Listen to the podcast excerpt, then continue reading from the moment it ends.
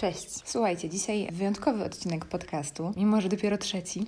Nie jest on aż tak wyjątkowy ze względu na destynację, którą wybrałam na dzisiejszą wycieczkę, ale jest wyjątkowy, ponieważ po raz pierwszy nie muszę puszczać, znaczy nie muszę, nigdy nie muszę tego robić.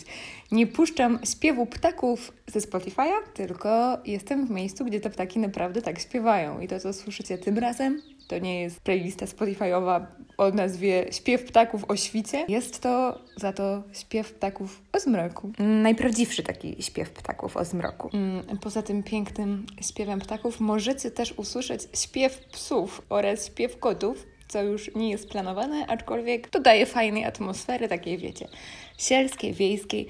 Jeżeli chodzi o to, gdzie zabiorę Was dzisiaj na wycieczkę, to będzie to miejsce, w którym być może wielu z Was było. Tutaj muszę powiedzieć, że zazdroszczę bardzo, jeżeli byliście tam. Jest to miejsce, w którym ja niestety nigdy nie byłam, a zawsze marzyłam o tym, żeby się tam znaleźć. No i mam nadzieję, że jeszcze nic straconego że to się jeszcze uda. Miejscem dzisiejszej wycieczki jest Izrael, kraj o absolutnie wyjątkowej historii, o niesamowitej kulturze i o przepysznym jedzeniu. Mimo, że e, nie jestem specjalistką od geografii, polityki czy nawet historii, mimo że to ostatnią akurat e, zdawałam na maturze, zupełnie bez sensu, to lubię sobie tak patrzeć na mapy pod kątem właśnie tego, ile na przykład osób mieszka w danym państwie, żeby mieć porównanie do Polski tego, że daje mi to jakiś obraz tego miejsca. I tak słuchajcie, w Izraelu mieszka o 30 milionów mniej osób niż w Polsce. Dlatego, że w Izraelu mieszka tylko 8 milionów e, ludzi z hakiem, a w Polsce 38. A jeżeli chodzi o terytorium, to Izrael jest o ponad 100 km kwadratowych mniejszy od Polski. Więc mimo, że jest to kraj, który powierzchniowo i jeżeli chodzi o liczbę ludności nie jest szczególnych rozmiarów, to odegrał duże znaczenie w historii, nadal je odgrywa i nadal historia tam się toczy. Okej, okay, to zabrzmiało głupio, wszędzie historia się toczy, ale tam wyjątkowo trudna. Jednak wolałabym w te y, tematy polityczno-historyczne nie brnąć. Pewnie większość z Was doskonale sobie zdaje sprawę z tego, jaka jest sytuacja w Izraelu. Natomiast jeżeli niektórzy z Was sobie tej sprawy nie do końca zdają, no to macie wujka wujka Google oczywiście. To, co natomiast ma znaczenie, jeżeli chodzi o historię i politykę tego kraju w kontekście kulinariów, bo tutaj jednak tym wolałabym się głównie zajmować, to jest to, że jest to kraj, w którym rzeczywiście większość populacji stanowią Żydzi. I mam na myśli Żydzi w sensie narodowościowym w tym momencie, a nie wyznaniowym. Jest to 75% ludności. 20% ludności, czyli drugą największą grupą, są Arabowie. Tutaj też mówię o pochodzeniu. Jednak tak samo sytuacja przedstawia się, jeżeli chodzi o wyznanie, czyli większość osób mieszkających w Izraelu wyznaje judaizm, czyli są Żydami pod kątem wyznaniowym. Drugą największą grupą są muzułmanie, czyli osoby wyznające islam. Co ważne, w dzisiejszym odcinku chciałabym się odnieść stricte do kuchni Izraela czyli o kuchni, którą znajdziecie w tym e, państwie, jeżeli pojedziecie tam na wycieczkę. Nie natomiast o kuchni żydowskiej, czyli o kuchni Żydów, dlatego że tak jak mówiłam, nie chcę tutaj mówić o historii, ale jak doskonale wiecie, Żydzi przez bardzo długo czas nie mieli swojego konkretnego państwa, i e, w diasporze żyli przez setki lat na całym świecie, dlatego kuchnia żydowska jest niezwykle zróżnicowana. Oczywiście zależy to od tego, w którym konkretnym miejscu, która grupa Żydów mieszkała w danym okresie. Dlatego kuchnia żydowska jest jednocześnie kuchnią bardzo zbliżoną do kuchni niemieckiej, rosyjskiej, polskiej. Z drugiej strony jest to też kuchnia iberyjska, jest to też kuchnia y, śródziemnomorska, jest to też kuchnia Bliskiego Wschodu i te mieszanki są naprawdę bardzo ciekawe. To w ogóle jedna z najbardziej znanych kuchni, nie wiem czy o tym wiedzieliście, na całym świecie, kuchnia żydowska. Jednak kuchnia Izraela to nie jest to samo co kuchnia żydowska i bardzo chciałabym, żebyśmy sobie zdawali z tego sprawę. Ja będę mówiła dzisiaj o kuchni Żydów mieszkających, e, Żydów i Arabów mieszkających w Izraelu, czyli tak jak mówiłam wcześniej, chodzi mi o to, co znajdziecie konkretnie w tym regionie jadąc tam na wycieczkę. Jednak jednocześnie musimy mieć świadomość tego, że ludzie, którzy obecnie mieszkają w Izraelu, głównie mam tutaj na myśli właśnie Żydów, wracali z tej diaspory z całej Europy. Czyli oni już mieli doświadczenie jakieś swoje kulinarne i to nie jest tak, że kuchnia, która jest teraz serwowana w Izraelu, narodziła się właśnie na tej ziemi, ale oni wracając do niej, przynosili wszystkie swoje doświadczenia kulinarne, przepisy, sposób traktowania produktów i tak. Dlatego ta kuchnia jest w samym Izraelu również bardzo złożona i szalenie ciekawa. Tak jak mówiłam wcześniej, dominującym wyznaniem w Izraelu jest judaizm. Żydzi mają taką zasadę, że spożywają tylko produkty, które są koszerne. Koszerność nie oznacza tylko sposobu przygotowania dań, ani listy dozwolonych produktów, dlatego że jest to słowo, które określa się do całości ich zachowań. Koszerny oznacza czysty, dokładny, dobrze przygotowany.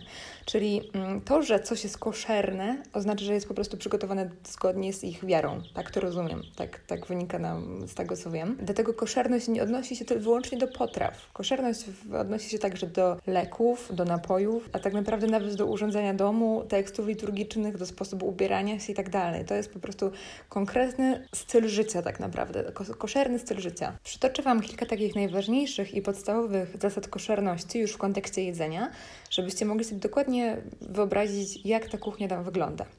Otóż tak, według prawa mojżeszowego, czyli halacha, różni się dwa rodzaje pokarmów. Pierwszy to jest taki, który jest pokarmem dozwolonym, czyli koszernym, oraz taki, który jest pokarmem zakazanym, czyli teref. Nie wiem, jak do końca się to odmienia.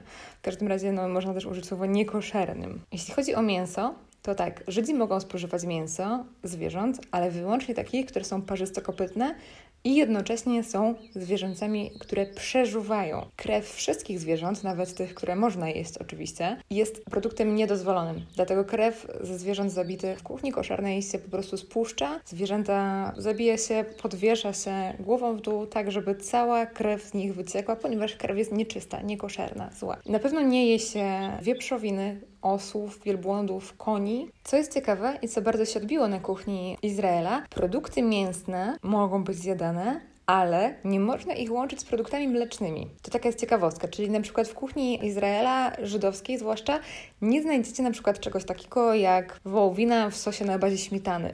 Śmietana jest produktem mlecznym, wołowina jest dozwolona, ale nie można połączyć tych dwóch produktów, bo po połączeniu ich danie już jest niekoszerne. Kolejną ciekawostką jest to, że warzywa i owoce powinno zjadać się wyłącznie z roślin, które przetrwały już minimum 3 lata. Uwaga, tacy najbardziej restrykcyjni Żydzi na przykład uważają, że żeby produkt był prawdziwie koszerny, może być on wytworzony wyłącznie przez również ortodoksyjnych Żydów. Czyli zdarzają się grupy tych takich najbardziej e, wierzących wyznawców judaizmu, którzy nie wypiją wina, jeżeli jest ono zrobione przez kogokolwiek innego niż ortodoksyjny Żyd. Jeśli chodzi o to mięso, które można jadać, jest to wołowina, sarnina, baranina, jagnięcina i kozina. No i Izrael słynie z genialnych sposobów przygotowywania tych mięsa. Co jest ważne, tak jak mówiłam wcześniej, zwierzęta muszą być zabite w bardzo konkretny sposób. Nad zwierzętami, które idą do uboju, wygłasza się błogosławieństwo. Słuchajcie, składa się tym zwierzętom modlitwę, która jest głównie podziękowaniem za to, że można je zjeść. Jeśli chodzi o drób, to koszerne i dozwolone są kaczki, kury, gęsi, indyki, gołębie, kuropatwy i przepiórka oraz bażanty. Koszerne ryby to karp, strąg, śledź, łosoś. Niedozwolonymi rybami, co ciekawe, jest jesiodr, węgorz i rekin. Czyli jeżeli zawsze marzycie o tym, żeby zjeść płetwę rekina, no to, no to nie uświadczycie tego raczej w Izraelu. Ale wybrałam tę kuchnię też nie bez powodu. To znaczy, pierwszym e, powodem e, mojego wyboru jest to, że bardzo bym chciała być w Izraelu, bo uwielbiam po prostu izraelskie jedzenie. A drugi jest taki, że w ostatnim odcinku trochę dużo mówiłam na temat mięsa, dlatego że Toskania słynie z genialnego mięsa, natomiast akurat kuchnia Izraela słynie z absolutnie genialnych y, dań wegetariańskich i wegańskich. Jest to w ogóle bardzo często, częsta kuchnia wykorzystywana w restauracjach wegetariańskich i wegańskich, zresztą sami wiecie. Czasem tak jest, że jak, nie wiem, zaczynacie się interesować dietą wegańską czy wegetariańską, albo szukacie alternatyw, albo ktoś z Waszych znajomych y, jest wegetarianinem czy weganinem, to najczęściej jest haha, znowu będziesz jadł, wiesz, humus, falafel, E, ciecierzyca na tysiąc sposobów i tak dalej, bo rzeczywiście ta kuchnia słynie z pysznej kuchni wegetariańskiej. A myślę, że jest tak głównie dlatego, że używają mnóstwa przypraw, używają bardzo dużej ilości świeżych produktów, no i naprawdę ta kuchnia jest szalenie aromatyczna, więc jest dobrym sposobem na to, żeby sobie gdzieś tam tą kuchnię wegetariańską, że tak powiem, przyswajać stopniowo, bo jest po prostu pyszna i większości osób ona smakuje. Rzeczą, którą ja absolutnie uwielbiam we wszystkich kuchniach, są przystawki. Mam na myśli, wiecie, włoskie antipasti, hiszpańskie tapasy, natomiast w przypadku Portugalii po hebrajsku przystawki nazywają się salatim, a po arabsku meze. I koncept tego jest dokładnie taki sam. Czyli jest to po prostu zbiór małych przystawek różnych, tak żeby idąc sobie do knajpy czy siadając gdzieś ze znajomymi, można było sobie wypróbować kilku różnych małych dań. Wśród takich e, izraelskich meze najczęściej znajdziecie baba ganush. Jest to pire z pieczonego bakłażana. Kibbeh, czyli krokiety z pszenicy bulgur z siekanym mięsem, cebulą i orzechami. Tabule, czyli sałatka z kaszy kusku z mnóstwem przypraw, zwłaszcza z dużą ilością natki pietruszki i mięty. Do tego słynne falafele, pita, humus, e, mnóstwo różnego rodzaju marynowanych oliwek, czy na przykład izraelska sałata oraz marynowane warzywa. Co popularne są tam pikle, kiszonki, a izraelska sałata, o której wspomniałam, tak naprawdę jest inspirowana grecką sałatą, która nazywana z kolei w Grecji jest wiejską sałatą, czyli dobry ser, świeże pomidory, oliwki, pyszne oliwa z oliwek. Jednym z najbardziej tradycyjnych izraelskich deserów jest baklawa, którą być może kojarzycie też z kuchni greckiej, bo jest to ciasto filo przekładane najczęściej takim farszem z orzechów, miodów, kremów, syropów pomarańczowych i różnego rodzaju przypraw. Co ciekawe, w Europie najbardziej przyjęły się chyba śniadania, wydaje mi się, angielskie, śniadania francuskie, a absolutnie genialną rzeczą jest śniadanie izraelskie, dlatego że składa się z ogromnej ilości świeżych warzyw, takich jak pomidory, cebula, ogórek, papryka oraz owoców, pomarańcze, melony, jabłka. Do tego jest dużo świeżego robionego oczywiście ręcznie pieczywa, jajka, no i nabiał, dlatego że ten nabiał mogą sobie zjeść na śniadanie, później mija 6 godzin i po tych 6 godzinach na obiad mogą już spożyć mięso, czyli e, zachowali się w sposób zgodny z zasadami koszerności. Podobno niestety nie wiem tego z autopsji. E, przechadzając się ulicami Izraela, najczęstszymi zapachami, jakie możecie poczuć, jeżeli chodzi o zapachy jedzenia, to szafran, goździki, kumin, gałka muszkatułowa, świeże pomarańcze. Bardzo, bardzo bym chciała się przejść taką ulicą izraelską i poczuć te zapachy. Uda się, słuchajcie, na pewno się uda. No dobrze, to może przybliżymy sobie jeszcze tak na koniec kilka najbardziej powszechnych dań z Izraela.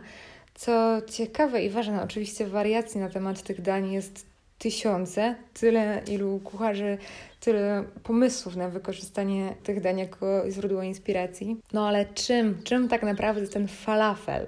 Ten falafel, który można zjeść sobie picie zamiast kebabu, czy kebaba. Chyba kebabu. Kebabu. Jest taka piosenka y, disco o kebabie, podrzucę Wam. Odkryłam ją, wydaje mi się, dokładnie rok temu, mniej więcej o tej samej porze, w połowie maja.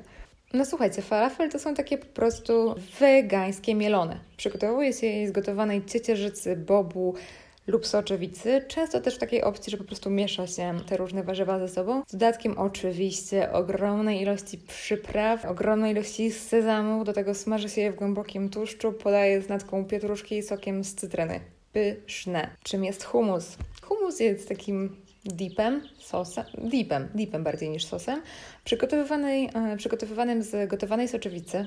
W takim absolutnie podstawowym przepisie na humus znajdziecie ciecierzycę, tahini, czyli pastę robioną z sezamu, oliwę z oliwek, sok z cytryny, odrobinę wody i odrobinę czosnku kumin. I tak naprawdę to jest taka baza wyjściowa. Oczywiście teraz w sklepach i nie tylko znajdziecie mnóstwo wariacji na ten temat, czyli humus pomidorowy, humus paprykowy, humus buraczany, humus marchewkowy, humus bobu i w ogóle to tylko Wam przyjdzie do głowy, ale tak naprawdę ta baza składa się z czterech, pięciu składników.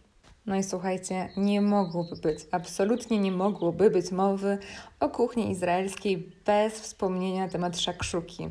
Szakszuka to jest danie, którego ja nigdy w życiu nie jadłam, przygotowanego przez e, prawdziwego mieszkańca Izraela, ale marzę o tym, jak o wielu rzeczach, jak możecie usłyszeć, ale uwielbiam robić ją sama i uwielbiam, kiedy ktoś mi to przygotowuje. Szakszuka inaczej nazywana izraelską sałatką na ciepło, chociaż to taka moim zdaniem trochę odpychająca nazwa, to w takim bardzo, bardzo dużym skrócie jajka smażone w sosie z pomidorów.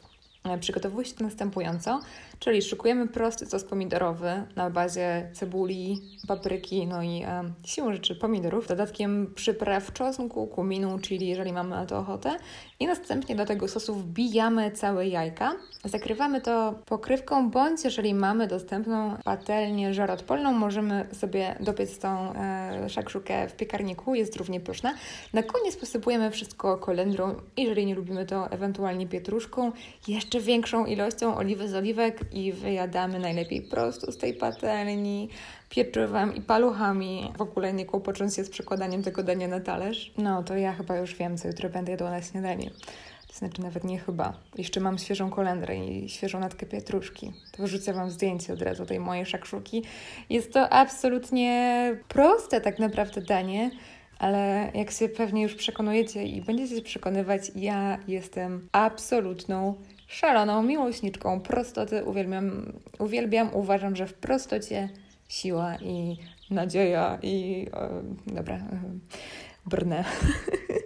No i na koniec, jeżeli w przeciwieństwie do mnie lubicie słodycze, takie słodycze, słodkie słodycze, no to mieszkańcy Izraela uwielbiają sezam, więc jak albo wiecie, albo możecie się już domyślić, jednym z ich najbardziej słynnych deserów jest deser na bazie sezamu, a jest nim, jest nim znana przez nas hałwa. Hałwa, czyli ta taka śmieszna, dziwna kostka o bardzo specyficznej teksturze, bardzo, bardzo słodka. Tak, to ona jest zrobiona z sezamu, jak się okazuje. To znaczy, ja to wiedziałam, żeby nie było. W Polsce zwykle możecie kupić hałwę o smaku raczej właśnie albo oryginalnym, albo z odrobiną wanilii, z odrobiną czekolady. Natomiast w Izraelu na różnego rodzaju targach znajdziecie nawet hałwy o smaku chili z pistacjami, i mnóstwo, mnóstwo innych rodzajów, ponieważ no, mają oni małą obsesję na punkcie tego deseru. To jest w ogóle ciekawe samo w sobie, bo mam wrażenie, że w ogóle w tym regionie świata bardzo słynne są desery, które są szalenie słodkie. Ja uwielbiam na przykład desery, które są raczej kwaśne, które są takie wytrawne, gdzieś tam z nutą czegoś pikantnego.